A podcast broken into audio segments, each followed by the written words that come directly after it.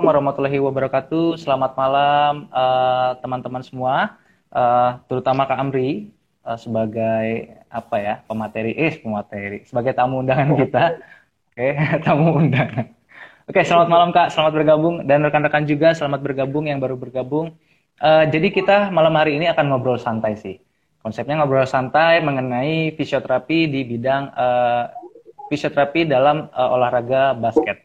Ya, uh, kita tahu sendiri bahwa Kak Amri ini adalah salah satu fisioterapi bas, uh, di basket, salah satu klub di uh, di Jakarta, dan beliau juga sudah lama uh, berkecimpung di dunia olahraga basket, jadi sudah expert lah di bidangnya. Dan beliau juga mengajar sampai saat ini, jadi masih fresh lah ya.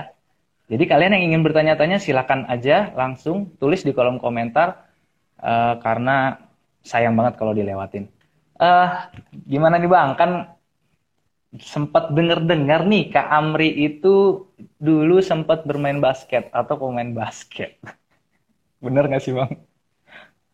Sebenarnya kalau main basket ya kalau main basket banget mah serius enggak ya. Cuman sebatas yang namanya oh. hobi gitu kan ya hobi. Hobi, hobi ya okay. hobi kan bermain ya main biasa biasa aja. Nggak sampai yang target yang hmm. harus ya kan ada tingkatan ada plat yeah. aku dan sebagainya itu nggak sampai ke sana cuman cuman hobi doang aja suka hobi. dengan basket ya iya wah oke okay. kita nah. memiliki kesamaan nih kak uh, main bareng lah main bareng gitu kan. iyalah main bareng gitu ya.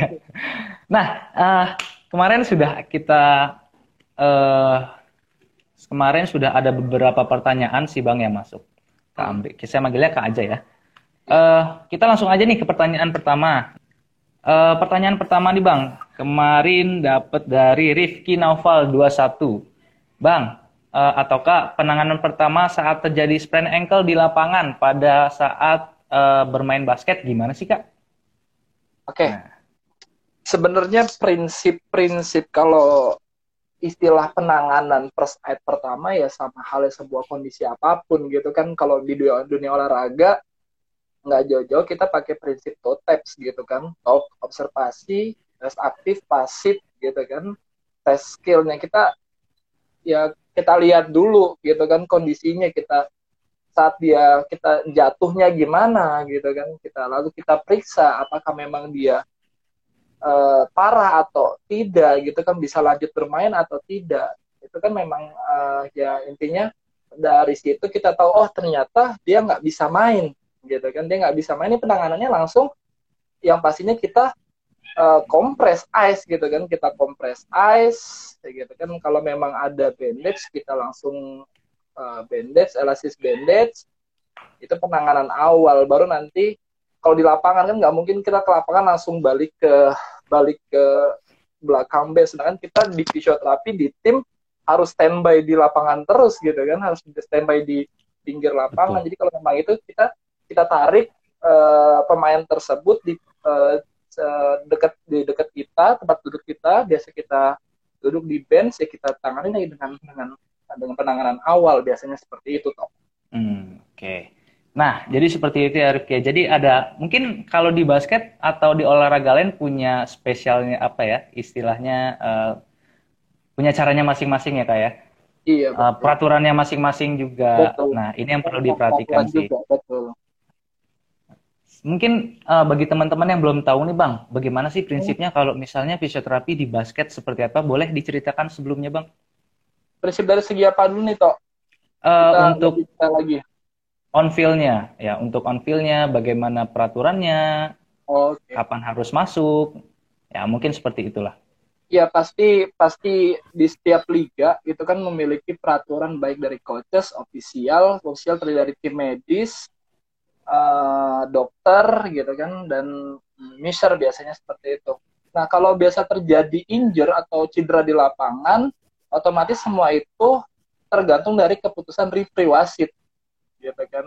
Kalau bisa uh, referee menyarankan untuk masuk, ya untuk masuk ya kita otomatis langsung masuk. Kita nggak bisa eh, nggak uh, bisa langsung langsung langsung nyelonong masuk ke lapangan gitu kan nanti malah jadi peringatan buat kita mungkin kalau di basket uh, ya balik lagi kalau memang dia injernya injer serius kita bisa langsung bisa langsung masuk tanpa ada misalnya contohnya dia ada uh, ambil contoh misalnya terbentur kepala sampai dia tidak sadarkan kita bisa langsung masuk tapi kalau misalnya injernya uh, dia jatuh kita lihat dulu referee referee memberikan saran untuk masuk ya kita langsung masuk. Seperti itu. Peraturannya seperti itu di IBL ya khusus IBL sendiri. Gitu. Oke. Jadi seperti itu ya teman-teman untuk uh, kalian juga perlu tahu kalau misalnya yang belum tahu di basket itu seperti apa. Jadi ya itulah intinya. Nah, jadi kita uh, semua mengikuti peraturan dan ada uh, cara mainnya lah istilahnya seperti itu. Oke, okay, uh, sepertinya sudah terjawab ya dari pertanyaan dari siapa tadi, Rifki. Nah, untuk teman-teman yang ingin bertanya silakan langsung aja bertanya. Nah, ini nih pertanyaan pertama. Pertanyaan pertama di live IG. Oke. Okay. Oke, dari Bay Haki nih, Bay Haki, betul, Bay Haki underscore 25. Yeay, Bay Haki. Pemain basket juga nih Bang, kalau nggak salah dari Kepri. Asik. Bang, oh, gitu. peralatan dan model apa yang wajib ada di visio olahraga saat di klub, on field dan lagi off Bang? Oke, okay. Kamri bisa langsung jawab? Ya, bisa langsung. Kalau pastinya kalau on field kita untuk fisioterapi sendiri istilah bahasanya alat perangnya kita di lapangan yang nggak jauh-jauh yang pastinya kompresan ice gitu kan. Ice uh, dengan kompresannya lalu kalau ada istilahnya perlu semprot kalau kalau kalau bahasanya teman-teman semprotan ajaib etil gitu kan kalau cuma cedera seperti biasa gitu kan. Sama paling kita siapkan ini aja uh, sama yang first aid first aid kayak luka-luka pun kita harus kita harus harus harus menyediakan. Kayak contohnya ya kita menyediakan perset kayak perban, betadin itu pun kita harus harus bisa bisa. Karena kan nggak semua tim itu punya punya tim med uh, dalam arti tim medis fisioterapi dan dokter. Ya otomatis kita kalau fisio, hanya fisioterapi kita punya bisa intinya kalau luka-luka ringan mah kita harus bisa harus bisa harus bisa nanganin juga. Misalnya kalau terbaret atau dia terbentur dan sebagainya kita pun harus misalnya ada kondisi dia uh, apa yang namanya luka-luka ya kita harus uh, ya jadi gitu toh uh, apa bayi haki pasti first aid S terus nggak jauh-jauh pasti kalau di SM sendiri kita biasanya menyediakan kayak semacam kayak buat uh, traktor itu pun kita punya di kotak obat kita. Jadi kalau ada dapatnya kita langsung langsung dari dari kolar buat vertikal dan sebagainya buat uh, traktor kita ada semua di uh, lengkap di uh, di tas medis kita gitu. Nah kalau di belakang layar istilahnya kalau gitu ya tadi kan sempat kalau off on field, kalau off season yeah. gitu ya. Sebenarnya kalau off season ya ini off season apa off, off tanding nih? Mungkin off tanding sih bang, Kont ya. konteksnya masih dalam itu. Iya kalau off tanding ya pastinya udah udah udah penanganan cederanya kita kita fisioterapi hmm. olahraga yang pastinya bukan hanya mengandalkan modalitas aja gitu kan. Kita fisioterapi olahraga sekarang berpikir apalagi di tim kita harus punya skill untuk mendesain program program latihan gitu kan. Program cedera eh, program cedera kita harus tahu itu dulu. Jadi bukan hanya uh, ya otomatis alat-alat apa aja nih sediakan alat-alat contohnya. Kalau misalnya dia cedera cedera lutut Nah, gitu kan kita harus punya ya istilahnya punya punya bantal buat latihan quadricep, punya karet mini band dan sebagainya. Lalu kita punya uh, punya apa namanya? Uh, biasanya kalau di kalau saya pribadi ya medicine ball gitu kan, medicine ball hmm. buat latihan kondisi jumpers nih karena gitu kan kita mentesnya kan buat esentrik latihan esentrik buat jumpers nih. Kalau ya hal-hal lainnya paling di situ kan ada gym ya kita bisa berikan program latihan gitu biasanya kalau di kalau saat off. Gitu. Oke. Okay. Jadi lagi, itu ya banyak ya. Sama satu lagi okay, toh. Okay. Satu lagi tambahan. Perlu teman-teman ketahui kalau kita sekarang ini sebenarnya sesuatu hal yang teman-teman pahami dulu semua di mana pun baik itu di tim basket, bola, cabur apa pun sebenarnya kalau teman-teman baca bukunya Netter itu teman-teman bisa lihat bahwa peran kita itu fisio uh, tim medis sama coaches itu di mana sih? Apakah kita di bawah coaches? Apa uh, kita sejajar sama coaches? Nah kita di mana nih? Nah kalau perlu diketahui di bukunya Netter itu sebenarnya peran kita tuh hampir sama sama coaches. Bedanya coaches lebih ke teknik ke teknik dari basketnya ya kita lebih ke preventif dan rehabilitatifnya seperti itu. Jadi uh, jadi kalau ada perannya kita fisioterapi olahraga, sekarang berpikirnya gini teman-teman. Berpikirnya kalau fisioterapi olahraga kita sekarang bukan hanya saat di lapangan aja dan saat di belakang lapangan, kita pun mendesain program sebelum sebelum pertandingan pun kita kita kita berperan buat desain program. Nah, gitu kan sebelum pertandingan. Dalam arti sebelum seri pas seri dan sudah seri ya perannya kita di situ gitu toh. Oke. Wah jelas banget nih ya. Gimana Mbak Eki sudah sudah terjawab ya? Jadi kalau misalnya ingin bertanya lagi nih kira-kira wah bang uh, kira-kira apa sih yang apa yang dilakukan seperti itu? Apa sih biasanya penanganannya? Ya itu bisa ditanya. Mungkin uh, di fisioterapi olahraga terutama khususnya basket ya. Hmm, kalau misalnya lagi off season gini nih bang selama pandemik ini apa sih yang dilakuin bang sebenarnya sebenarnya pandemik ini bukan termasuk off season ya atau ini sebenarnya istilahnya tuh season yang tertunda karena ada kondisi yang di mana oh, okay. kalau off season itu kan kalau kalau kita istilahnya off season kita benar-benar udah udah selesai pertandingan karena sebenarnya kita kita pun uh, masih ada pertandingan tapi pertandingan itu belum tahu kapan gitu kan belum tahu kapan dimulainya oh. dari keputusan IBL dan dari uh, ada SK dari Kemenpora untuk bisa melanjutkan pertandingan. Kalau kalau kondisi seperti ini balik lagi prinsipnya di IBL sekarang kompetisi sekarang nih yang berlanjut nanti berikutnya tanpa pemain tanpa pemain asing nih murni lokal oh, semua okay. gitu kan Nah, lokal semua otomatis yang lokal yang tadinya jarang-jarang main, otomatis kan nanti lebih lebih lebih lebih banyak, jam terbangnya ya. Jam, lebih banyak lebih banyak berperan nanti gitu kan ya. Otomatis hmm. ya sekarang pas lagi off-offnya ini ya mereka harus latihan dari segi segi strengtheningnya, daya tahannya gitu kan, daya tahannya, teknik basketnya pun dilatih bahkan uh, uh, kardio agar dia tidak turun sta, uh, stamina-nya, performanya nggak turun, kita tetap tetap dijaga gitu. Oh, oke, okay. seperti wah saya juga baru tahu nih kan. Ternyata memang belum IBL tuh belum selesai ya? Belum selesai, belum okay. selesai kan karena memang ada pandemi gitu kan. Ya, oke okay, oke okay, oke. Okay. Wah, itu keren banget sih. Jadi uh, perlu beberapa aspek yang harus diperhatikan ya. Betul. Oke. Okay. Ah, sudah masuk nih pertanyaan dari Oke, dari Kajuan. Oke. Bang, jelasin dikit dong mengenai penanganan akut di lapangan. Oke, seperti apa sih Bang? Oke. Langsung aja Kamri, sikat. Oke. Ya. Uh, prinsipnya sama sebenarnya Jo. Kalau akut akut kan yang pastinya ada yang berprinsip ada yang akut ada yang pressure ada yang riser gitu kan ada yang price ada yang rise gitu kan ada beberapa pendapat sebenarnya pendapat dari uh, beberapa ahli gitu kan. Ya prinsipnya gini, kalau kita di lapangan, ambil contoh tadi kasusnya BHK yang tanyakan, eh bukan BHK sebelumnya sebelumnya BHK ya, sprain ankle gitu. Iya kan. betul, sprain ankle. Sprain ankle dia jatuh, dia jatuh in, uh, injure gitu kan, injure cedera, kita cek. Kita cek apakah ini cederanya uh, serius. Karena kan prinsipnya gini sekarang uh, prinsip olahraga uh, sebenarnya kalau kita kaitkan dengan teori kita pun harus berpikir gini, cedera ini perlu kita treatment, kita kita treatment baru kita refer ke dokter atau kita refer langsung karena dia termasuk red flag, ada patah dan sebagainya gitu kan. Oh kalau cuma sebatas ankle ya udah. Kita kita kita ke lapangan kita cek lalu kita bawa ke pinggir lapangan.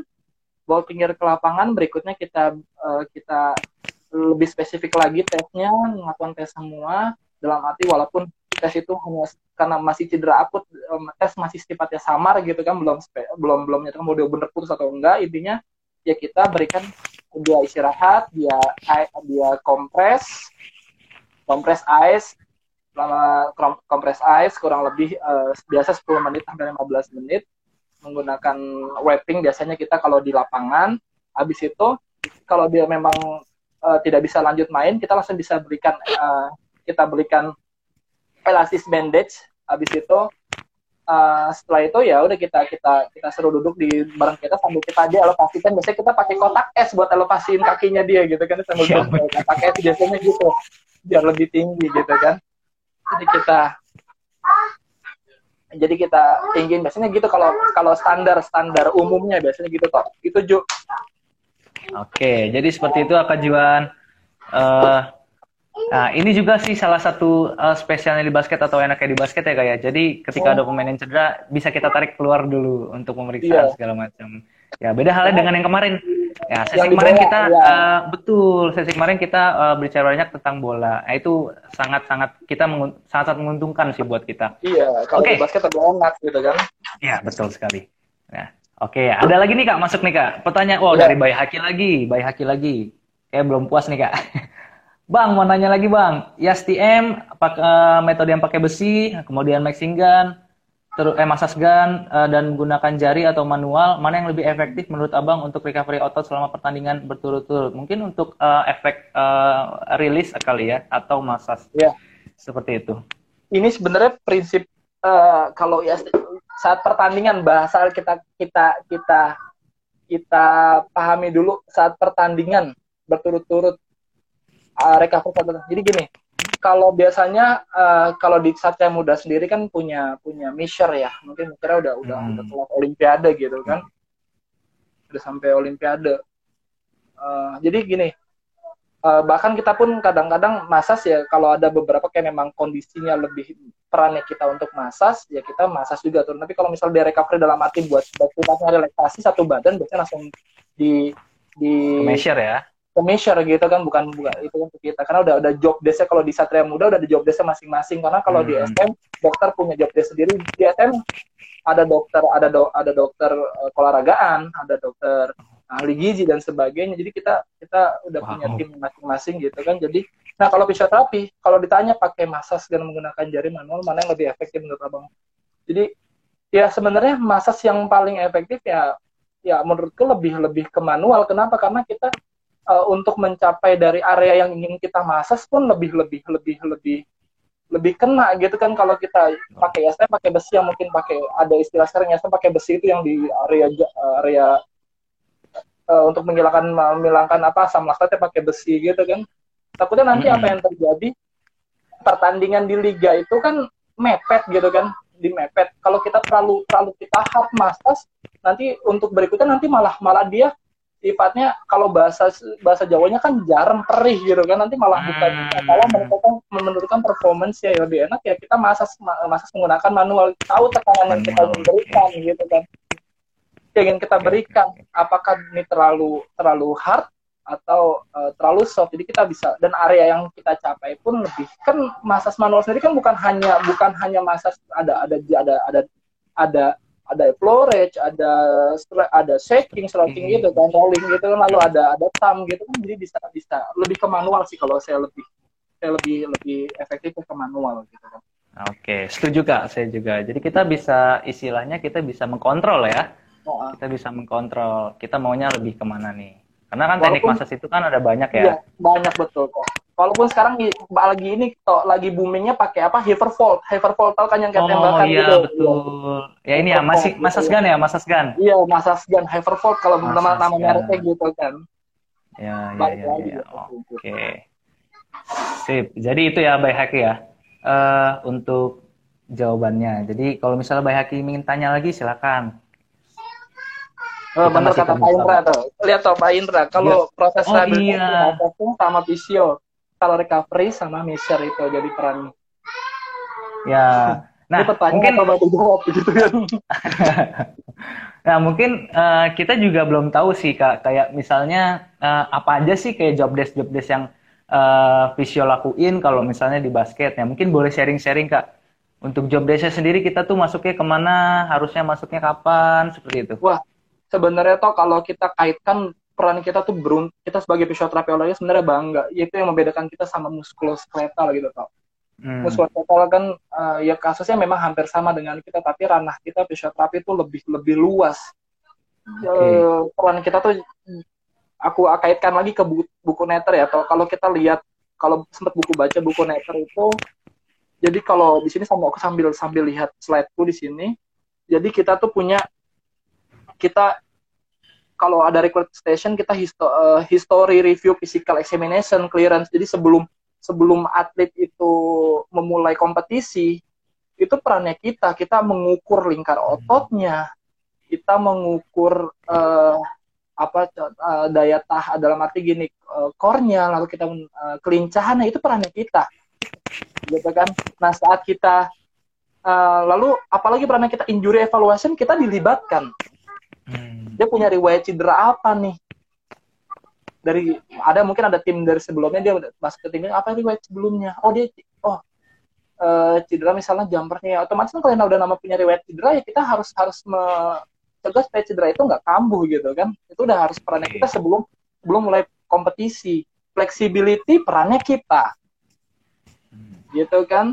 Lalu strength uh, kalau di official station ada strength strength kita dilibatkan membuat program keku uh, apa program program latihan kekuatan program latihan agility, power, balance, endurance kita dilibatkan. Nah, itu makanya kita peran kita tuh di tim cukup luas sebenarnya kalau kalau ranahnya kita dan di SM pun uh, memberikan uh, per, apa sekarang mulai mulai seba, saya sendiri sebagai fisioterapi mulai ya ya dilihat gitu kan. Oke kita mendesain program bareng-bareng. Jadi apakah oh latihan ini kita sama sama pelatih fisik sama pelatih fisik uh, apa kerja kita barengan bukan kita malah iya, gontok kita musuh-musuhan gitu. Kita harus match. Jadi coach ini boleh diberikan ini coach karena ini pokoknya jadi coach ini lagi dia lagi cedera ini kalau dikasih latihan beban ini nanti malah overuse malah nanti malah nanti tambah uh, injury. Oh iya oke. okay.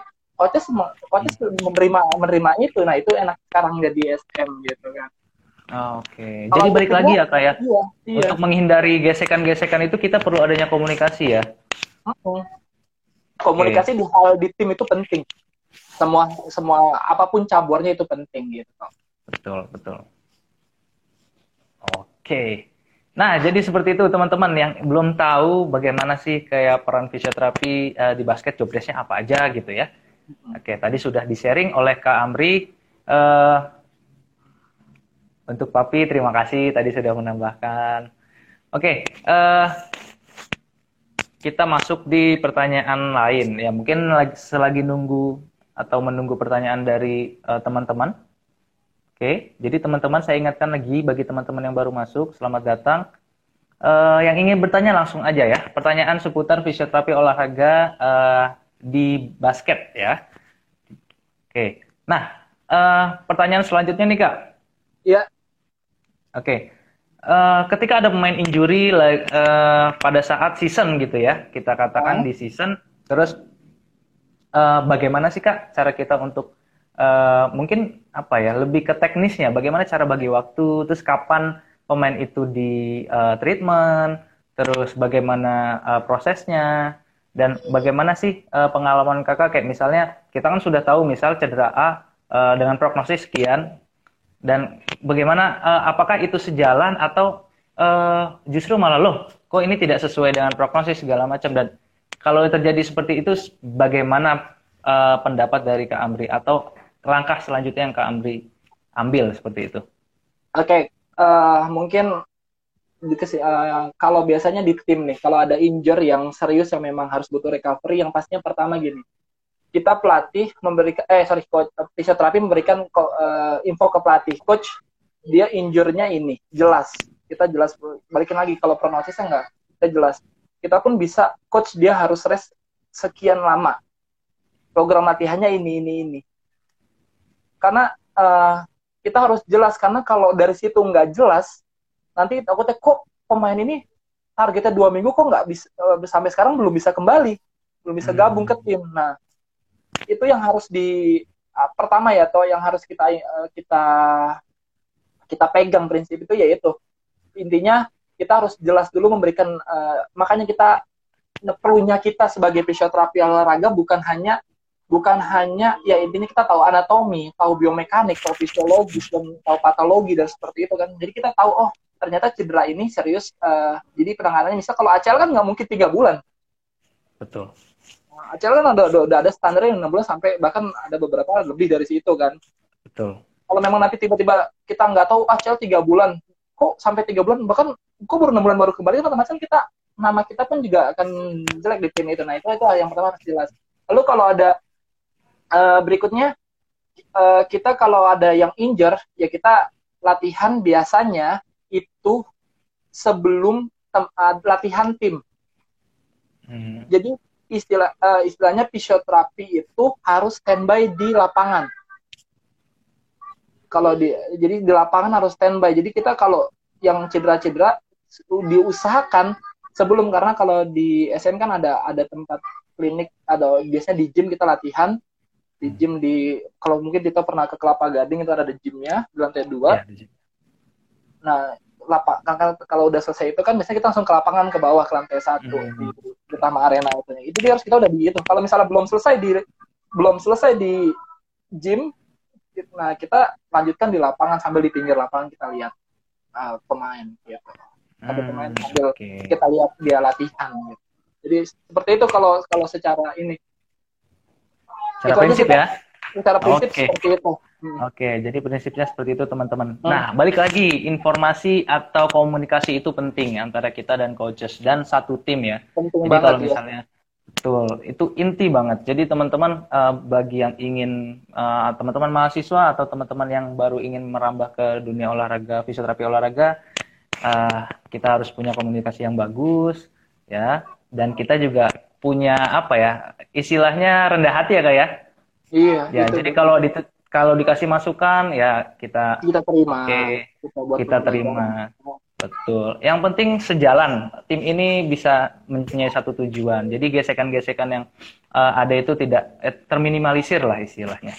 Oke. Okay. Iya, nah, teman-teman, uh, oh nih ada ada ada komen juga dari Papi. Kalau di NBA strength and conditioning trainer itu banyak yang backgroundnya fisioterapi. Wah, bangga banget ya jadi fisioterapi olahraga. Iya, bener bangga banget itu makanya kalau makanya baca buku bu, buku netter kalau buku netter itu kita wah kita tuh uh, perannya kita sekarang tuh besar makanya kalau bukan fisioterapi olahraga tuh bukan hanya bukan hanya paham dengan modalitas nyeri hilang nggak ke arah sana nyeri hilang minum painkiller pun bisa gitu kan. Nyeri hilang minum painkiller bisa.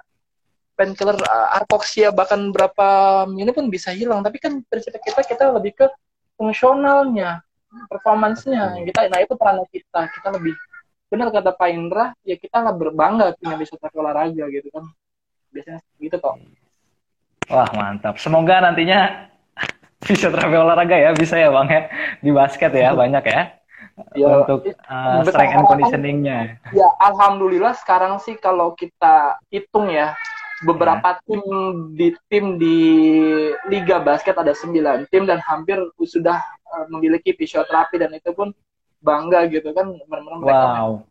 iya SM punya Mantap. NSA ada Ceta Wacana punya tim yang gitu gitu kan bahkan yang paling yang nggak punya itu cuman Pasifik gitu kan. Kalau kita dari Pasifik itu belum punya. Bahkan tim baru aja Lovre udah punya gitu. Nah itu bersyukur sekarang fisioterapi sudah bisa dilihat gitu kan di dunia olahraga uh, apa basket sendiri gitu. Basket ya? Oke. Okay. iya betul. Nah ya. Ya harapannya ke depan uh, semua sudah mulai mengenal dan paham betul ya mengenai fisioterapi olahraga itu seperti apa. Oke. Okay. nah sudah masuk pertanyaan lagi nih kak. Oke terima kasih papi sebelumnya oke dari Len Lenia Lenia Lenia P 20 underscore. Oke. Okay. Kak, jelasin dikit dong uh, untuk cedera yang pada pemain basket dan penanganannya. Okay. Mungkin uh, yang lebih sering kali ya, yang lebih iya, sering. Iya. Ya. Beberapa beberapa ini ya, beberapa secara secara case secara, apa case gitu kan uh, paling banyak kalau di basket di Indonesia khususnya nggak jauh-jauh adalah jumpers nih gitu kan. Hmm. jumpers jumpers. Kenapa dibilang jumpers nih? Atau tendinitis patellaris gitu kan. Suatu kondisi di mana memang disebabkan karena uh, overuse dari gerakan melompat mendarat. Jadi uh, karena lapangan Indonesia nggak semuanya lapangan Indonesia itu uh, soft kayak di NBA kalau kita lihat kan bolanya di NBA kan halus bunyi ya. Kalau di kalau di Indonesia kan udah kayak lapangan bagus kayu. Tapi kan kayu sama kayu sama tanah bunyi jadi keras nah. Terus terusan iya, pakai dengan intensitas tinggi ya dia ya, jumpers nih nah. Lalu diapain jumpers nih nih gitu kan. Jumpers nih itu cedera yang diakibatkan pada tendon tendon quadriceps gitu kan. Dengan quadriceps kita harus paham dulu kalau di usia kita jelasin sedikit ya nih sambil kita kaitkan dengan teori gitu kan siapa tadi? Ya, boleh, di, boleh, di Lenia. Lenia Lenia. Nah, kita peran kalau kita di kalau kita megang tim di usia kelompok umur kelompok umur kelompok umur di bawah usia 17 tahun uh, cedera jam biasanya kalau namanya bukan jumpers namanya Osgood Scrater disease gitu kan ya. Yang pada di mana dibaca periostom dari itunya sakit hampir sama kayak cedera. Tapi kalau di profesional itu namanya jumpers nih. Lalu diapakan lah jumpers nih. Ya jumpers nih kita balik lagi ke prinsipnya. Jumpers nih kita beri latihan. Latihan apa? Latihan sifatnya sifatnya untuk merecover dari kerja tendonnya latihan apa yang tepat? Ya latihannya contohnya. Kita memberikan latihan yang sifatnya eccentric. Eccentric quadricep gitu kan. Kita bisa latihan di uh, bisa latihan di selain bidang miring selain board gitu kan bidang miring kita latihan dengan dengan repetisi set uh, set yang sudah kita buat gitu kan. Lalu selain itu untuk kita uh, selain selain board pakai apa lagi? Biasanya kita duduk di duduk di uh, bed sambil kita dia suruh jepit meditation ball uh, dia angkat. Kalau mungkin gambaran nanti intinya gini si tadi siapa yang nanya si Lenia bisa Lenia ya, Lenia. Ya latihan esentrik jadi duduk duduk di bed kaki diangkat dengan jepit meditation ball tahanan berapa hold berapa detik dengan repetisi secara berulang. Itu salah satu dari bentuk. Jadi gini kita tahu jumpers nih jumpers nih itu kita bukan hanya bukan hanya melatih otot kita juga kita mengoper tendon ya karena jumpers nih itu di basket cederanya hilang timbul.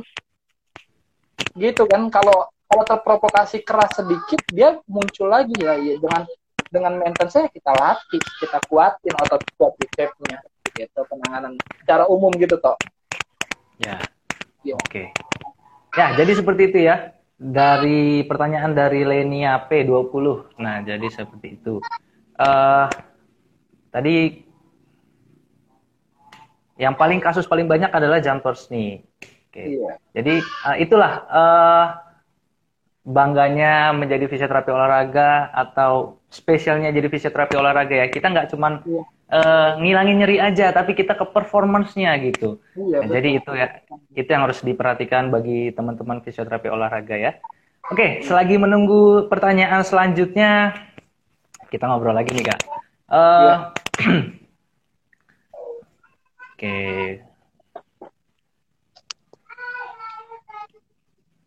Oke. Nah, ini ada Oke, makasih katanya Kak dari Lenia. Iya, sama Oke. Lenia. Semoga menjawab ya, Lenia. Kalau misal kurang puas bisa uh, tanyakan lagi. Nah, iya, bisa nanti. Uh, mungkin seperti ini sih Kak. Pertanyaannya uh, bagaimana sih program uh, apa ya? program pencegahan cedera atau um, minimalisir cedera yang dilakukan fisioterapi olahraga khususnya di basket kak. Nah, seperti apa ini programnya? Uh, terus kapan sih waktu yang tepat untuk diberikan program tersebut?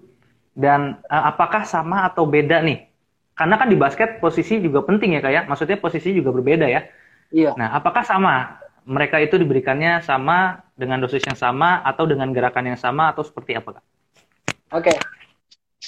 Uh, eh, balik lagi ke sebenarnya kalau kita bahasa rehabilitasi dan fisik pun jangan seperti kalau bahasa mungkin Prof waktu saya kuliah S2 pernah bilang janganlah jadi orang yang uh, pelatih fisik atau seorang medis yang jago jago buat cedera pemain karena semua set repetisi sama padahal padahal uh, setiap orang itu kan memiliki uh, kekuatan yang berbeda-beda. Jadi itu gini, kalau rehabilitasi, kalau rehabilitasi otomatis, nah istilahnya kita ya kita lihat dulu kondisinya apakah dia. Kita balik lagi ke Caroline Kessner.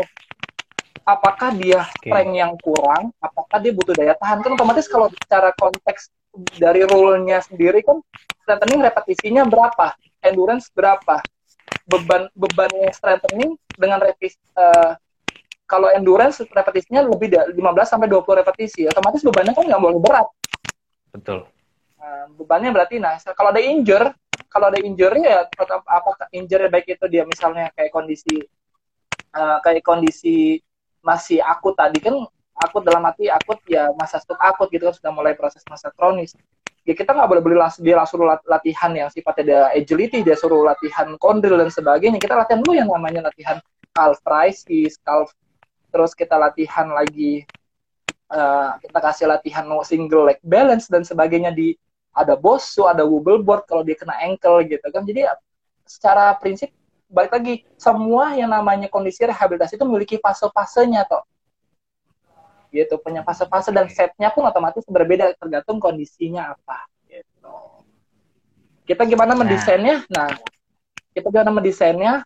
Balik lagi kita pun nah kalau kita bilang bangga bangga lagi karena kita sekarang harus bisa berpikir kita punya periodisasi kita bisa mendesain program periodisasi jadi kita gini apa sih setelah periodisasi periodisasi itu kita punya program bulanan yang terdiri dari program mingguan. Kita punya program mingguan yang terdiri dari program harian. Jadi kita punya fisioterapeuti itu memegang itu nama injury prevention. Jadi kita tahu. Oh, dan kita samakan ke pelatih fisik yang udah pelatih fisik berikan apa, yang kita itu apa. Jadi biar kita enggak enggak enggak bentrok latihannya. Jadi gitu hmm. biasanya gitu. Jadi kita paham periodisasi. Okay, biar match berarti ya. Oke. Okay. Nah, jadi gitu teman-teman banyak aspek yang harus diperhatikan ya uh, untuk performance en apa uh, enhancement dan uh, injury preventive istilahnya seperti itu. Jadi uh, saya setuju banget ya. Jadi kalau di pemain basket itu mungkin sama dengan pemain-pemain uh, olahraga lainnya, uh, tapi terutama di basket posisi itu sangat penting dan setiap posisi pemain itu beda. Ya, beda iya, karakteristik ototnya, beda uh, tugasnya Iya. Agility-nya betul, kekuatan ototnya, jumpingnya seperti itu itu perlu diperhatikan untuk kita membuat program-program preventive injury atau program rehabilitasi. Nah, ini udah banyak masuk nih pertanyaan nih Kamri. Tupan okay. oh ada KL, ada KL. Halo KL, selamat malam. Masih ada Papi, weh Papi masih setia. Oke, ada Tupan juga. Oke, pertanyaan dari Tupan nih Kak.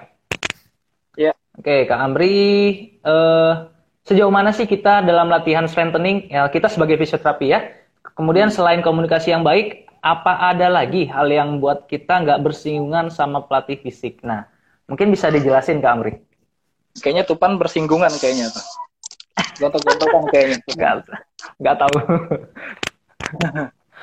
no hard feeling ya Tupan ya. Bercanda bercanda bercanda. Oke okay, iya jadi gini. Tupan, kalau kita latihan strengthening, balik lagi ke uh, gini, uh, perannya kita di, di tim itu uh, strengthening itu kan kalau udah program fisik ya, fisik fisik udah buat program. Uh, jadi atlet apa yang ingin dicapai, misalnya uh, setiap atlet kan, nah kita tuh kita kita yang memberikan laporan ke pelatih fisik coach, dia kurang kuat otot area ininya coach. Nah jadi biar itu jadi kita nggak bersinggungannya di situ pan. Kita kita memberikan informasi ke coaches fisik. Jadi fisik tuh tahu kekurangan apa kekurangan apa yang ada di tim. Ya misalnya contohnya kita udah kita kan kalau sebelum sebelum mungkin Pak Indra pun udah mengajarkan uh, istilahnya pengukuran antropometri gitu kan pengukuran antropometri sebelum main jadi oh ternyata lingkar lengan dia uh, lingkar lengan dia ada yang kurang uh, selisihnya antara kanan dan kiri gitu lalu uh, lingkar pahanya kanan kiri otomatis kan dari situ kita memberikan informasi ke coach coach strength dia uppernya kurang kuat nih kalau dia ke bumps ke body takutnya dia malah bukan dia yang bukan musuhnya yang jatuh dia yang jatuh. Nah gitu kan. Terus coach lowernya bermasalah nih strengtheningnya kurang.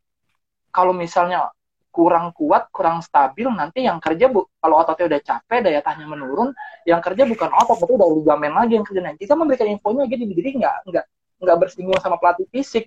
Jangan tiba-tiba pelatih fisik udah berikan dengan ya pelatih fisik itu udah membuat program memang udah udah udah satu satu musim dia udah buat program jangan tiba-tiba coach ini nggak boleh ya kan otomatis kan kita buat program itu nggak nggak nggak nggak secepat kita nulis nulisin kita oh dia pemain ini targetnya ini targetnya ini gitu, gitu biar nggak bersinggungan gitu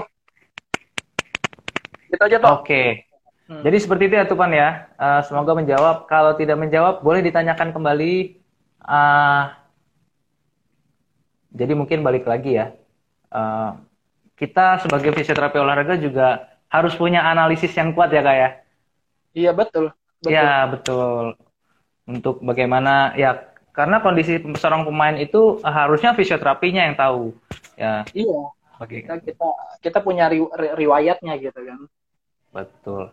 Oke, nah tadi kelewat nih kak, ada kelewat dari Lenia. Oke, sorry Lenia tadi kelewat pertanyaannya. Dia nanya lagi nih kak, Biasanya ya. apa aja sih latihan yang diberikan pada atlet basket untuk penguatan ya? Oke. Untuk penguatan kalau udah biasanya ya kalau otomatis kan kalau yang ada injure biasanya kita uh, coaches itu memberikan program yang sifatnya kayak uh, pas saat uh, sebelum jadi istilahnya gini ada ada sebelum pertandingan, saat pertandingan dan sudah pertandingan. Karena itu dari beban otomatis berbeda. Jadi gini, biasanya uh, program yang diberikan kalau sebelum kompetisi sebelum pertandingan itu semuanya sifatnya beban pakai pakai berat beban dumbbell dan sebagainya. Pakai besi gitu kan sedangkan kalau saat pertandingan kita menggunakan hanya sebatas sifatnya injury preventive ini pakai karet gitu kan pakai karet paling ngisi-ngisinya dengan beban ringan gitu kan. Nah saat saat dia pertandingan sudah pertandingan sudah kompetisi ya biasa digeber dengan uh, beban lagi. Biasanya alatnya apa aja? Alatnya ada leg press alatnya ada squat maizin gitu kan. Biasanya kalau di gym nggak jauh-jauh latihannya seperti itu. Ada dumbbell gitu kan hmm. dumbbell. Tapi kita bisa sekarang patokannya bukan di tapi patokannya kita harus tahu apakah dia saat pertandingan saat oh, pertandingan atau sesudah kompetisi jadi itu kita bagi bagi bagi bagi tiga itu hmm, prinsipnya oke okay. jadi ada ada masanya ya atau ada timenya ya timelinenya iya. ya ya betul, ada periodisasinya betul. seperti itu kapan ya, kita betul, harus masuk, betul. kapan gimana dosisnya. Oke, okay. uh, eh, semoga menjawab dari uh, Lenia tadi ya pertanyaannya. Uh, nah mungkin uh, terkait dengan uh, apa namanya terkait dengan latihan penguatan latihan penguatan yang harus dilakukan para pemain nih kak. Uh, hmm. Pada masa pandemik sekarang kan uh, para pemain kan latihan online di rumah. Nah, uh, bagaimana sih kita kasih program uh, latihan itu sendiri atau uh, bagaimana kita cara memberikan uh, program preventif itu sendiri latihan-latihan apa aja saja sih kak yang dikasih kak? Oke, okay. Biasanya latihan uh, ya pasti nggak jauh-jauh latihan uh, sifat injury prevention. Kalau kita lihat tuh banyak-banyak bentuknya ya, ada beberapa kayak kita yang pastinya sekarang ujian prevention itu dibagi lagi. Ada ada warming up, lengthening, plyometric, uh, agility itu sama stretching. Itu kan termasuk termasuk termasuk termasuk injury prevention gitu kan ya. Paling untuk ngisi strengtheningnya uh, ada beberapa contoh program aja ya paling dia suruh latihan semacam kayak uh, beban beban beban pakai pakai dumbbell pakai dumbbell buat di uppernya buat di area shouldernya lalu nggak jauh-jauh latihan latihannya core gitu kan buat untuk di area ininya karena core core core, core juga dibagi lagi dan tidak beberapa poin habis core biasanya uh, program yang tambahnya skipping gitu kan skipping hmm. Lalu selain skipping pun ada lagi kayak latihan dia suruh uh, tes uh, jogging atau dia lari gitu kan uh, lari target dari coach harus tercapai berapa menit berapa menit berapa menit dalam gitu hmm. jadi gitu targetnya ke situ oh, sih lebih ke maintenance seperti itu Oke, jadi seperti itu ya teman-teman ya. Jadi uh, ya mungkin latihan-latihan yang diberikan simpel ya kak ya, yang bisa dilakuin di rumah iya. ya. Itu dulu prinsipnya. Uh, nggak usah pakai yang macam-macam, yang penting iya. bisa dilakuin di rumah. Gitu. Intinya gini, intinya intinya ya di rumah di rumah ini pandemi ini kan nggak semua atlet dan kayak di uh, di tim gitu punya punya komplit komplit ah, barang barang ya kita memanfaatkan apa yang ada yang mereka miliki ya pakai beban pakai buat sering itu masuk termasuk latihan pakai beban badan yeah. dia dengan intensitasnya aja kita atur gitu aja sih. Betul, betul. jadi kita harus memperhatikan aspek itu ya. Nah, betul. nah, uh, udah udah ada banyak lagi nih. Ada berapa pertanyaan lagi nih Kak Amri? Oke dari Dimas. Oke Dimas bagus DP oke Izin bertanya Bang, bagaimana cara Kak Amri membangun dan mempertahankan kepercayaan manajemen SM? Bahwa bisa pertanyaannya? Tentang okay, kepercayaan manajemen, kepercayaan manajemen SM ya. Sebenarnya gini, Dim. Sebenarnya semua di di mana uh, di mana pun caburnya, apa pun caburnya, yang pastinya uh, tahulah SM SM itu dulu fisioterapi. Kalau dikatakan fisioterapi biasanya dari ada dari Filipina gitu kan dikirim ke Indonesia biasanya gitu kan sebelum sebelumnya uh, sebenarnya satu kata sih uh, berikan uh, kalau mungkin ada Pak Indra di sini berikan bukti bukan janji istilahnya gitu kan berikan bukti bukan janji. Jadi kita berikan kita punya standar fisioterapi olahraga juga yang menghuni gitu kan. Yang menghuni menghuni dalam dalam arti kita kita paham apa yang kita harus kerjakan itu dulu sih. Kita harus jelas apa yang program kita uh, kita target di tim itu apa yang kita harus target. Ini kita juga manajemen pun oh tahu job job desk kita job uh, kita tuh arah kita di mana jadi gitu kan uh, otomatis pun tim kalau jelas dengan seperti itu ya tim otomatis akan percaya gitu uh, percaya dengan apa yang kita kerjakan misalnya gitu sih berikan intinya berikan bukti bukan janji itu sih istilahnya tuh ya itu slogan yang selalu uh, papih ini ya gaungkan ya iya. ya Iya memang, betul. Bukan, bukan memang bukan PFOI memang seperti itu perhimpunan mm -hmm. itu bukan gitu bukan buku bukan janji sekarang kita prinsipnya gitu. Nah jadi teman-teman itu mungkin satu pembelajaran uh, kita harus memberikan bukti bukan janji ya. Uh, mungkin sharing-sharing aja ya kak. Uh, ya. Sejauh ini sejauh ini selama menangani klub uh, SM gitu ya, hmm, cedera apa sih kak yang paling yang paling istilahnya membuat uh, apa ya istilahnya yang membuat ngeselin gitu selama hmm. uh, menangani SM uh, hmm? sudah nemuin cedera apa aja sih uh, cedera apa aja sih yang bikin uh, yang paling yang paling buat uh, Kak Amri itu kayak aduh mungkin berasa lebih sulit kali ya yang berasa sulit nanti atau ada cedera-cedera serius apa sih kak yang yang jarang terjadi di uh, di SM ini kak ya mungkin sebelumnya uh, kak Amri belum pernah temuin seperti itu. Uh, kalau sebenarnya ya hampir kalau dihitung-hitung di praktek kan udah hampir kurang lebih udah 10 tahun kalau tahun. Sampai nanti ketemu Oktober gitu semua kasus olahraga nggak jauh-jauh. Kasus olahraga kan uh, ya pasti ya sebenarnya yang paling oh waktu awal datang ke SM itu ditemukan dengan kondisinya pemain ya, Pamiga waktu itu uh, Asiles jadi hmm. mana Asiles kambuh-kambuhan kambuh-kambuhan jadi waktu itu masih ada sama visio sebelumnya jadi kita memainten sih hanya memainten jadi di selamat datangnya itu dengan kondisi Asiles kita recover. Berikutnya setahun di SM tiba-tiba ada pemain pada injure ada Falconi di timnas kena meniscus gitu kan.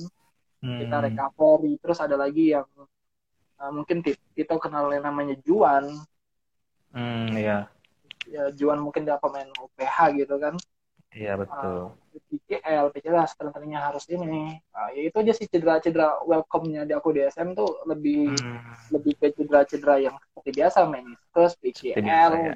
sama Asiles gitu kan nggak jauh-jauh itu aja sih belum belum ya alhamdulillah jangan sebenarnya doa doanya fisioterapi di tim itu ya jangan sampai ada cedera serius di tim gitu kan karena yeah. kasihan juga kalau akan berpengaruh dampak pada timnya sendiri nanti malah nggak juara gitu kan iya betul ya, mungkin kemarin ada ini ya coke ya kayak ya?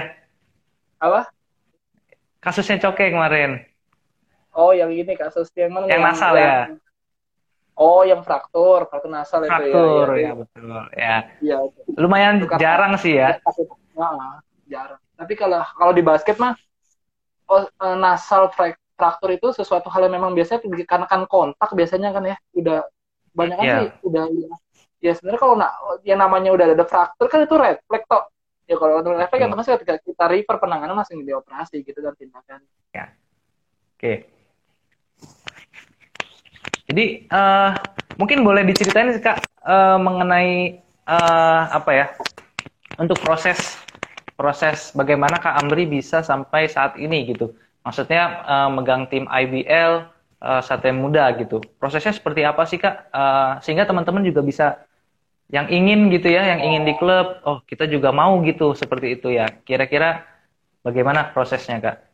Dan advice apa aja yang bisa diberikan kak? Ya sebenarnya kalau masuk SM itu kalau dibilang ini sih uh, ini ya SM itu tuh balik lagi ke tawar waktu Pak Indra menawarkan gitu kan nggak hmm Hendra menawar jadi pas lagi ngajar itu cerita sedikit masuk SM waktu itu banyak pilihan kan di anak Esa Unggul itu banyak. Tapi uh, tiba-tiba uh, nawarin ke saya ya saya ke saya ketemu langsung dengan tim manajemen dan sebagainya. Uh, sebagainya saya jelasin. Ya biasa ya kalau sekarang kan uh, liga basket eh sorry di tim basket itu kan udah udah berbau dengan PT semua kan PT betul. Kalau jadi jadi kita biasa kayak CV kayak CV terus ya itu kita dilihat juga CV kita riwayat kita dan situ ya udah um, memberi yang dipanggil mau membahas bla bla bla bla ya udah sampai akhirnya ya udah silakan gabung gitu kan. Ingat banget itu 2018 jadi hampir 18 tahun ya hampir dua tahun itu. Ya sebenarnya uh, dari awal da, di nggak jauh-jauh kan dari awal di Esa Unggul basket megang. Gitu kan tapi tiba-tiba bisa langsung pure ke basket. Bahkan kemarin ada tawaran sempat pas Jack uh, Jack waktu itu uh, apa selesai di timnas aku suruh suruh masuk timnas bener ya tapi manajernya SM hmm. manajernya SM bilang butuh gitu kan. Nah ya udah aku akhirnya balik oh. tim lagi. butuh butuh banget. Jadi nggak mengizinkan nggak mengizinkan untuk tim. Ya aku pribadi pun ya kalau di timnas otomatis nanti ngajar juga juga susah juga yeah. ngatur waktu buat ngajar susah, ya. sekarang nah enaknya SM sekarang tuh antara ngajar dan latihan tuh SM tuh udah memberikan udah udah enak gitu kan istilahnya. Oh udah jelas udah jelas udah kompensasi ya? Udah udah iya. Intinya buat ngajar yeah. gitu kan. Oke oke Ada Kak Sandi, Kak. Kak Sandi masuk tuh. Jagoan puter. Iya nih, halo Kak Sandi, selamat malam. Kita dapat pertanyaan dari Andi Prambudi nih Kak. Kak Amri mau ya. tanya, bagaimana cara kita mengukur, mengatur latihan atlet yang butuh uh, penanganan. Sorry, sorry. Yang butuh penanganan fisioterapi tanpa mengurangi latihan fisik dari pelatih secara grup. Terima kasih. Oke, mungkin bisa langsung dijawab, Kak Amri ya uh, balik lagi prinsipnya kalau yang butuh penanganan yang namanya rehabilitasi sebenarnya udah udah perannya kita berbuat dengan rehabilitasi kita diberikan ya. Sebenarnya kita pun kalau kalau uh, Andi tahu latihan ACL tuh bukan sejam dua jam itu udah termasuk lah tiga jam latihan fisik juga itu kan sebenarnya. Ya inti, intinya kalau yang udah rehabilitasi ya diserahkan ke kita pure ke kita sampai benar-benar karena begini di tim saya pribadi di tim saya kebetulan coaches dari Serbia dia dia cuman bilang nggak mau asal bilang e, gimana kondisi pemain better. Better itu belum good belum sembuh belum bagus. Jadi belum dia pengen kebetulan pelatih juga enak dia pengen pemain itu yang udah bagus udah baik gitu kan udah udah baik. Jadi bukan better bukan hanya better itu kan bisa berarti uh, mendingan tapi tiba-tiba sakit lagi gitu kan. Nah gitu kan. Makanya hak penuh kita rehabilitasi ya udah kita yang uh, otomatis kita kita buat uh, program program sambil uh, program yang pelatih fisik berikan kita mendesain program program tersebut sambil kita recover dari cederanya itu. Gitu aja sih. Oh. oke gitu. jadi seperti itu ya. Uh, iya Mas Andi ya, Andi Prambudi. Jadi seperti itu ya. Untuk penanganan fisioterapinya untuk mengatur latihan atlet. Oke. Nah, uh, Bay Haki lagi kak. Oke, udah hat trick nih Bay Haki nih. Oke, Bang. Aduh. Oke, Bang, berapa maksimal dan minimal visio dalam satu tim? Tim basket atau uh, ya mungkin profesional, tim profesional atau di KU seperti itu ya kak? Ya sebenarnya kalau intinya gini tim basket di Indonesia punya fisioterapi aja udah udah bagus gitu kan kalau ditanya. Kalau minimal ya kalau mak, uh, maksimal maksimal ya kalau ya untuk beberapa sementara ini ya paling paling banyak dua itu di timnas di timnas dua. Itu kan di timnas ada dua dua timnas sendiri punya dua uh, fisio Raul sama waktu bang uh, bang Jack dari NSA Aspa Stapak. Tapi kalau di tim uh, sebenarnya sekarang sih semua tim masih masih satu itu pun satu balik lagi tadi nggak semua tim punya fisioterapi gitu kan. Nggak punya semuanya nggak punya fisioterapi gitu. satu sebenarnya udah cukup gitu aja lah. Sementara untuk di untuk untuk di untuk di ya kan dalam 12-15 orang ini kan nggak semuanya cedera gitu kan. Betul betul betul.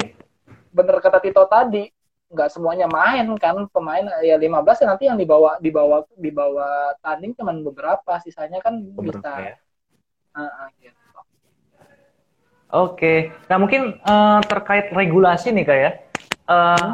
kalau di bola kan sekarang sudah mulai membentuk uh, regulasi yang baru, ada persyaratan tertentu, kualifikasi apa kualifikasi tertentu untuk fisioterapi fisioterapi yang ingin uh, apa ya menjadi fisioterapi Liga 1 atau uh, lainnya. Nah, bagaimana kalau di basket sendiri nih, Kak? Sebenarnya uh, hampir sama sama semua cabur. Uh, standarisasinya pasti yang balik lagi kita ya kalau di tim harus lulusan fisioterapi yang pertama gitu kan. Karena kan tadi ada beberapa juga yang lulusan keluarga bilangnya fisioterapi gitu kan. Teman-teman mau nih fisioterapi gitu kan. Lulusan sarjana fisioterapi gitu kan yang pertama. Standar yang berikutnya uh, regulasi sebenarnya uh, kalau di ya kalau di bola kan ada ada Liga satu Liga 2. Kalau di kalau di tim kan nggak di BL sendiri nggak ada nggak ada liga-liga nggak ada kayak Amerika yang ada NCAA dan sebagainya gitu kan. Iya betul. Kalau, kalau di Indonesia cuma satu liga ya di basket cuma itu ya liga IBL. Ya? Iya IBL paling kelihatannya yang yang pro-nya itu ya. Iya pro-nya ah, aja iya. gitu. Kalau untuk nya mah sebenarnya standarnya ya pastinya lulusan fisioterapi dan dia memang cinta dengan dengan bidang yang pastinya dengan bidang olahraga yang ditekuni uh, tekuni sekarang gitu kan. Yang nggak mungkin misalnya contohnya Tito Tito suka basket uh, jadi fisioterapi renang gitu kan. Ya sebenarnya nggak nggak masalah sih tapi kan dia renang kan kita analisis gerakan apa yang bermasalah gitu jadi jadi nah, intinya tuh itu dia. intinya kita tahu tahu tahu pola geraknya, tahu biomekanik geraknya, jadi kita tahu lebih paham, lebih detail dengan kondisi iya. apa yang terjadi. Kita istilahnya kita punya knowledge-nya dulu lah ya. Iya, maksudnya knowledge-nya ya, dulu tentang fisioterapi, betul. Dan mengenai olahraga itu sendiri. Uh -uh. Nah, jadi seperti itu. Oke. Wah, sangat menarik ya. Dan ya mungkin ke depannya kalau misalnya uh, kompetisi sudah mulai kompetitif apa berjalan dengan baik nantinya banyak banyak banyak apa namanya kompetisi-kompetisi yang lain. Ini tidak menutup kemungkinan akan ada regulasi baru ya kayak ya. ya semoga ke depannya basket Indonesia akan lebih maju ya. Ya tidak ya. ketinggalan dengan sepak bola ya seperti itu. Oke uh, ada pertanyaan lagi nih kak. Tadi dari Dimas. Oke Dimas mau nanya lagi nih kak. Hal apa yang dilakukan ya. fisioterapi pada saat pre-season atau off-season?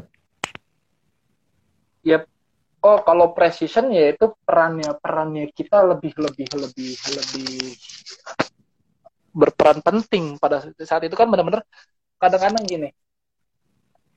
Uh, yang jadi uh, kendala di kita adalah saat dia pemain penting pemain yang inti cedera gitu kan.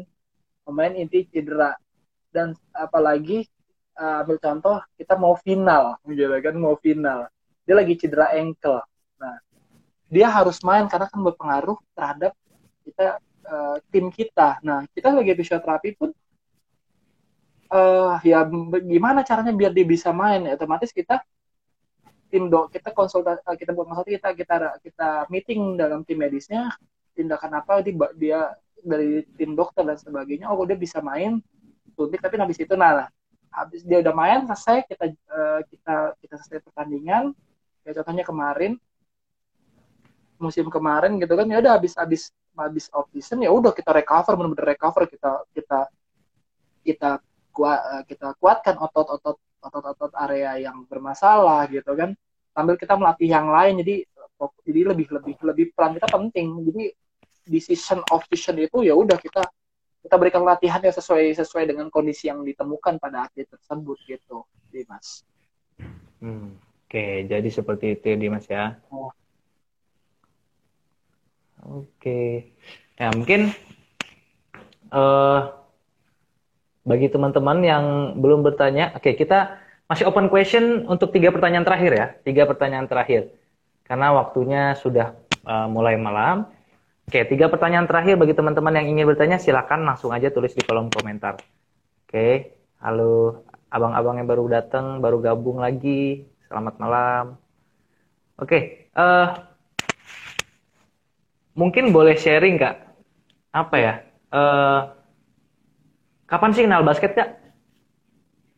Sebenarnya kalau kenal ba basket sendiri sih ya basket dari dari main-main sebatas hobi ya main SMP gitu kan ya. Oh, hmm. SMP yang ya dari dari dari kulit-kulit waktu itu kan. Ya mungkin uh, di situ ya mulai benar-benar main-main biasa main biasa eh bukan jadi pemainnya jadi jadi fisioterapinya gitu kan fisioterapinya oh, ya, jadi wow. ya, udah jadi jadi ya akhirnya sekarang memperdalam fisioterapi basket aja jadi pemainnya gitu kan Oke, hampir sama sih kak, hampir sama. Cuman aku kalau aku aku udah telat sih. Uh, basic memang dari bola, sepak bola. Nah, uh, jadi ceritanya tuh uh, eh, SMA gitu punya kenalan temen dia main basket gitu. Nah, waktu itu uh, dia lagi mau ada tanding. Nah, orang kita lagi di satu apa namanya satu tempat ya, lagi ada acara. Terus uh, orang tuanya itu nggak bisa nganterin. Aku nganterin tuh kak, nganterin dia tanding basket. Aku lihat dia tanding basket, wah jago banget mainnya. Dari situ aku mulai kenal basket, dalemin basket dan kebetulan di kuliahan juga ada Brother Tups, uh, Brother Tupan. Nah, Tupan ini yang kenalin basket juga, yang ngajarin juga. Jadi seru, asik di basket itu ya. Kalau Tupan mah tidur di lapangan juga iya gitu kan. iya, udah udah asam garamnya udah udah banyak dari basket ya. Oke. Oke, uh, masih belum ada pertanyaan. Uh, mungkin kalau yang belum tahu Kak Amri ini punya apa ya? Punya uh, postur tubuh yang mumpuni untuk di basket nih. Oke, okay. tampaknya anaknya juga udah diarahkan ya kak. Sakil udah mulai diarahkan ya untuk jadi pemain basket ya.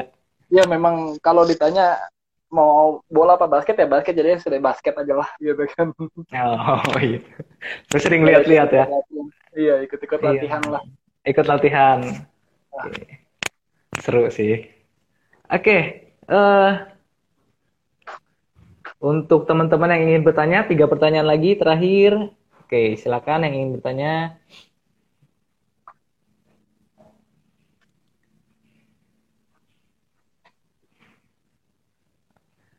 Uh, mungkin uh, mau nanya ini sih kak, uh, gimana ya? Gimana sih cara manajemen waktu sih kak? Uh, karena kan kita tahu sendiri nih, saya saya tahu kalau uh, kak Amri itu sebagai dosen iya, uh, profesional fisioterapi di basket juga iya, dan mungkin uh, punya klinik juga ya kak di Solo ya? Alhamdulillah. Ya, iya. Nah, terus Kecil-kecilan. Oke. Okay. Nah, ini bagaimana sih Kak cara memanage manajemen waktunya, terus manajemen uh, komunikasinya dengan orang-orang yang yang sungguh crowded ini nih, Kak? Ya. Ya uh, alhamdulillah dari yang pertamanya setiap setiap balik lagi jadi kita uh, jelasin dulu ya kalau di ngajar kan uh, ya udah di kalau kita biasanya aku memberikan informasi dari lihat dari jam ngajar dulu hari apa hari apa hari apa baru memberikan informasi ke ke tim, tim. bahwa bahwa semester ini uh, di hari ini hari ini ngajar gitu kan hari ini hari ini ngajar jadi oke okay, berarti hari-hari yang lainnya standby gitu kan berarti tim gitu kan hmm. kalau dan biasanya kalau kita uh, di tim kalau misalnya latihan kita aku lagi ngajar ya pantaunya lewat mana? Ya lewat nanti kan kita ada ada ada coaches ada misher yang juga. Hmm, ada okay. jadi ya ada ada ada ada yang bermasalah nggak? Gitu kan. Oh kalau nggak ada yang bermasalah ya alhamdulillah gitu kan. Jadi nah kalau untuk yang di Solo klinik sebenarnya ya bersyukur punya tim-tim yang luar biasa di sini kan. Hmm. tim yang luar biasa uh, yang memang mereka uh, memang awalnya anak-anak yes uh, teman-teman yang suka olahraga juga yang memang cinta dengan olahraga ya udah akhirnya itulah mulai tarik ya, istilahnya kalau aku kan bilangnya tim ya bukan bukan antara yang punya sama yang kerja nggak tapi ya kalau aku tim timnya ini suka olahraga ya udah kita sebenarnya bikin klinik di Solo sendiri sih ya gara-gara basket juga sih toh gitu kan oh iya oh ada ya. menarik banget ya basket lagi nih iya iya gara bener ah, oh, iya. kalau kalau tahu nih sedikit sharing mungkin nggak ada yang nanya juga kan sedikit sharing juga aku tuh datang hmm. ke Solo tujuannya cuma kuliah S2 waktu itu. Oh, iya iya iya program Di S2 UNS. ya. Ah, UNS Iya iya iya. di, di UNS. Oke oke oke. Cuma nulis status di BBM. Eh waktu itu zaman BBM ya, status. Iya, Alhamdulillah, ke- alhamdulillah keterima di UNS. Manajernya Sritek waktu itu Sritek cewek nawarin Mhm. mau mau mau mau kerja nggak jadi fisioterapi. Ya di situlah kesempatan. Udah nggak Oh. bayar, udah nggak bayar uang kosan, nggak bayar uang makan, dapat gaji. Ya udah akhirnya di situ selama kuliah selama dua tahun dua tahun ya di situ di di mes di mes Sritek itu. Nah di Mes Ritek. Oke. Nah dari situ, wah di Solo belum ada fisioterapi olahraga nih gitu kan.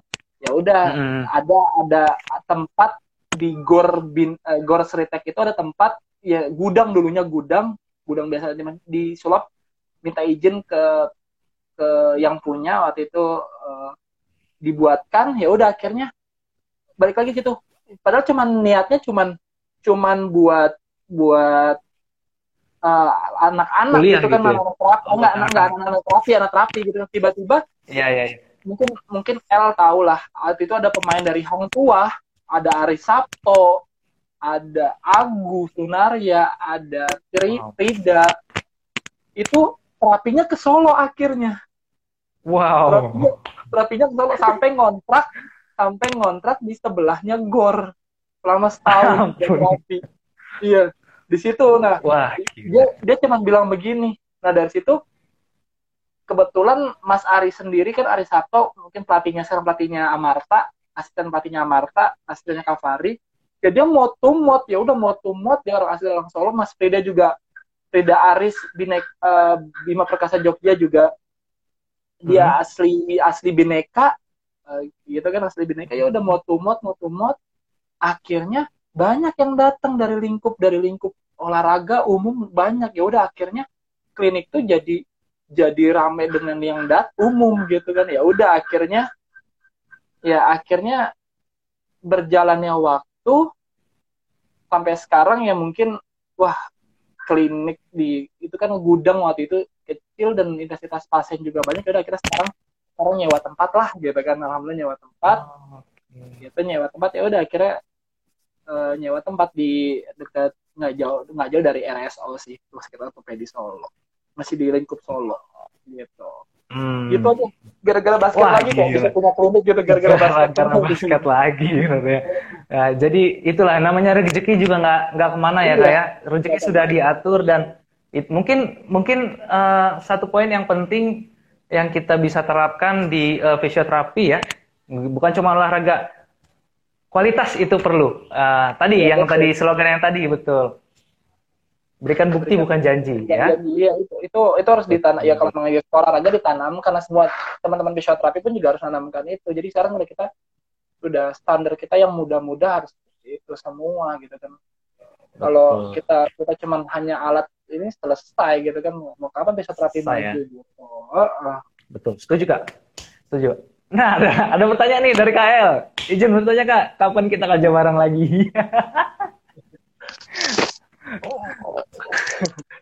Wah, Kapan kita ketemu? El, El udah banyak kerjaan deh. Iya saya, mau, gitu ya. saya, mau, saya mau kerja sama saya mau kerja sama El aja lah. Nggak apa-apa lah jadi bawa El gitu. sebelumnya sebelumnya ada project bareng nggak?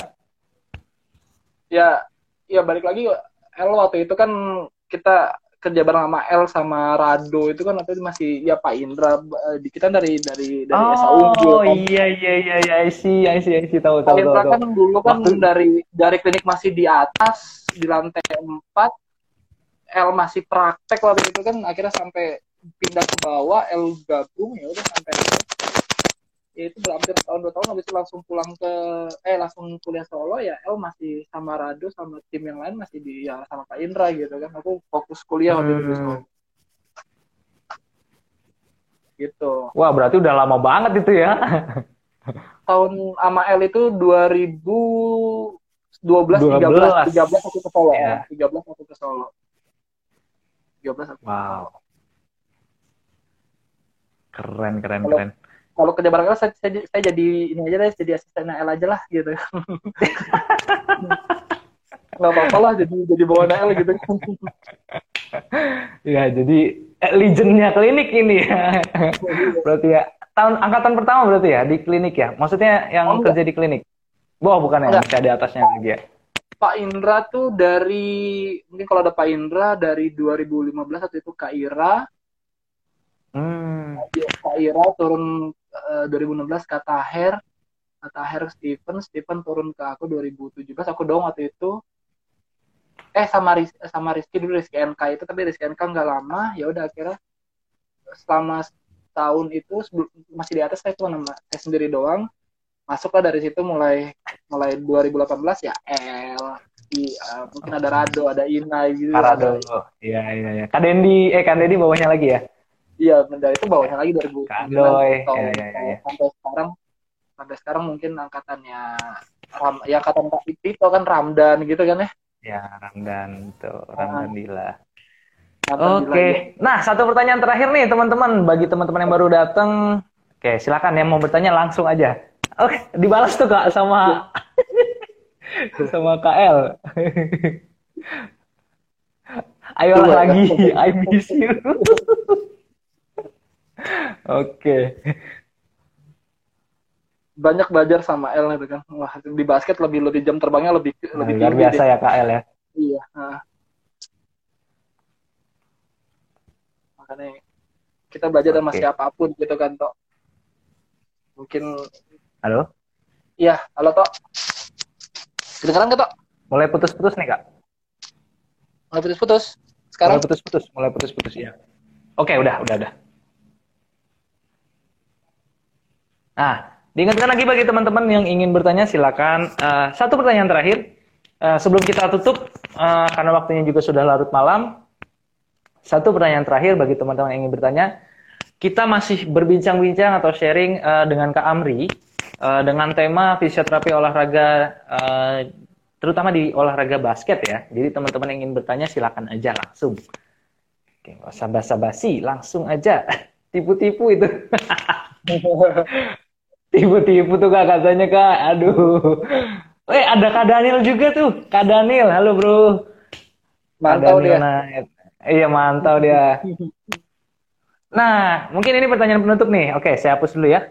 Oke, pertanyaan penutup. Sudah ada pertanyaan terakhir. Dari Patria Ilham. Pak Ilham, eh, Bapak. Bang, apa sih harapannya untuk fisioterapi di Liga Basket Indonesia? Ya harapannya yang pertama kalau ditanya harapan yang pastinya semua tim memiliki fisioterapi dulu gitu kan. Memiliki fisioterapi. Harapannya Patria kembali katanya. Kembali. Belum lulus belum lulus dia iya belum bisa ke mana-mana dia. Ya harapannya ya semua tim udah memiliki fisioterapi uh, apa fisioterapi yang memiliki standarnya pun udah standar bukan hanya bukan hanya standar uh, ya olahraga gitu kan standar olahraga yang di mana kita paham dulu uh, penanganan apa yang sesuai dengan kondisinya gitu aja sih harapannya. Nggak mau hmm. mul kalau dikatakan muluk-muluk ya itu doa doa pertama ya itu itu doang sih. Berikutnya betul setuju sih kak. Uh, berikutnya baru kita bisa regulasi kayak kayak kayak kayak liga liga Indonesia gitu kan yang memiliki standar harus ke profesional punya punya standar apa nih gitu sertifikasi apa nih Betul. gitu Betul. Ya nantinya juga harapannya di divisi 1, divisi 2 itu juga bisa berjalan ya. Ya, kalau kalau Kak Uma udah wilayahnya ya. L lah gitu kan L tau lah dia megang Tumpah udah, L itu udah beda kawasan ya. Udah, udah, iya, beda kawasan itu.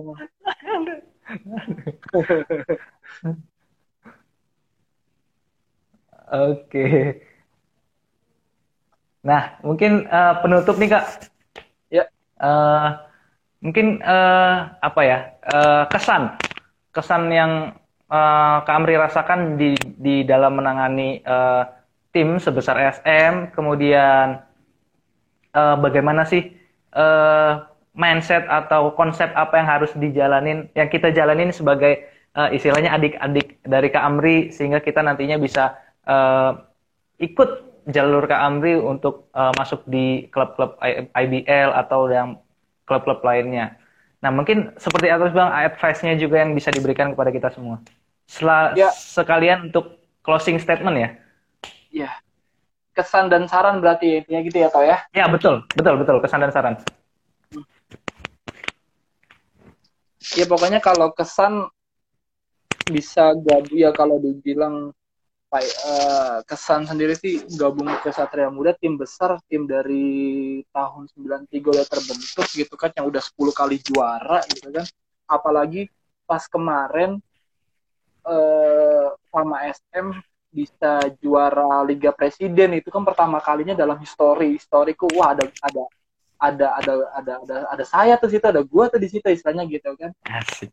Ya nah gitu kan nah target ya itu pokoknya itu sih yang pertama bisa bisa di SM bisa oh bisa ngerasain juara juga nih sama SM gitu kan walaupun belum belum ya pastinya besar harapan harus juara IBM lebih lebih kasta tertingginya gimana gitu kan. Itu kesan kesan yang kesan yang yang luar biasa sih kalau kita bisa bisa juara bareng gitu kan karena prinsipnya kita kan one team one dream champion gitu kan oh, satu tim satu tim satu divisi juara gitu kan ya. Bangga banget kalau kalau sebelas ke sebelasnya oh kan SM 10 nih berarti kalau juara lagi kan sebelas gitu kan sebelas. Wah di sebelas tuh ada di sebelas tuh ada ada ada gue di situ tuh wah lumayan juga tuh gitu kan. Ya saran sih buat adik-adik semua mungkin sama halnya kalau saran untuk di, di olahraga sendiri yang pertama kuasai dulu uh, tentang olahraga yang pengen kita pegang cabur yang kita pegang. Karena dari segi dari segi biomekanik patologi pun nanti berpengaruh gitu kan. Dari ya bola dengan basket berbeda basket dengan tenis berbeda tenis berbeda, berbeda itu pahami dulu ke situ. Terus berikutnya yang nggak jauh-jauh sih uh, terus update dari dari uh, dari keilmuannya juga tetap dari update keilmuannya walaupun ya cuma sebatas hanya sharing-sharing kayak gini kan. Sharing kita nongkrong bareng di belakang gitu kan misalnya kalau nongkrong di, di di di warung diet gitu kan nongkrong tentang kasus-kasus kan suatu hal yang itu belajar belajar tapi di positifnya kita ya sarannya ya tetap belajar dari belajar dari hal sekecil apa pun belajar. Dan setiap kasus yang ditemukan pun kita kita belajar juga di situ kan kita belajar gimana cara penanganannya yang tepat. Nah, intinya sebenarnya um, kata pun ya kalau kata tadi kita bilang kayak poinnya atau kunci utamanya ya yang pastinya antara keilmuan sama praktek harus sejalan gitu aja sih. Karena enggak walaupun dalam arti ya teori teori terus update. Terus uh, praktek ya kita kalau nggak asah dari kita nggak dapat dari teori ya kita mau gimana kita mengaplikasikannya gitu kan makanya saya pribadi pun nggak mau hilang mau ngajar iya mau praktek ya biar nggak nggak hilang yang namanya praktek praktek ilmuwan yang prakteknya itu. Karena terapi kan ya intinya kita bisa praktek itu sesuatu yang wah keahliannya kita gitu kan. Intinya gitu aja sih antara teori sama praktek harus sejalan gitu. Oke. Jadi uh, itu ya kesan dan pesan dari Kak Amri. Uh, jadi kita sudah udah ngobrol banyak tadi ya. Seru banget seru banget sih. Uh, thank you sebelumnya Kak Amri uh, dan teman-teman yang masih stay sampai saat ini. Oke, okay. uh, terima kasih banyak teman-teman. Terima kasih banyak Kak Amri. Sehat-sehat uh, selalu Kak Amri. Terima kasih. Uh, sukses untuk apa yang sedang dilakukan, untuk usaha yang lagi dilakukan. Sukses terus. Uh, dan untuk ngajarnya juga dan di tim juga sukses terus ya Bang ya. Iya. Oke. Okay. Tetap jaga kesehatan teman-teman. Tetap sehat jangan lupa berolahraga. Uh, closing statement dari saya uh, dari yang tadi sudah kita bahas mengenai fisioterapi olahraga di dunia basket. Oke, jadi uh, kita sebagai fisioterapi harus memahami ilmunya dan kita kuasai ilmunya. Seperti yang tadi sudah dibilang oleh Kak Amri, ilmu sama praktek itu harus sejalan. Oke, jadi yang perlu kita ingat adalah kita sebagai fisioterapi olahraga kita harus memberikan bukti dan bukan janji. Oke, selamat malam. Assalamualaikum warahmatullahi wabarakatuh. Salam olahraga.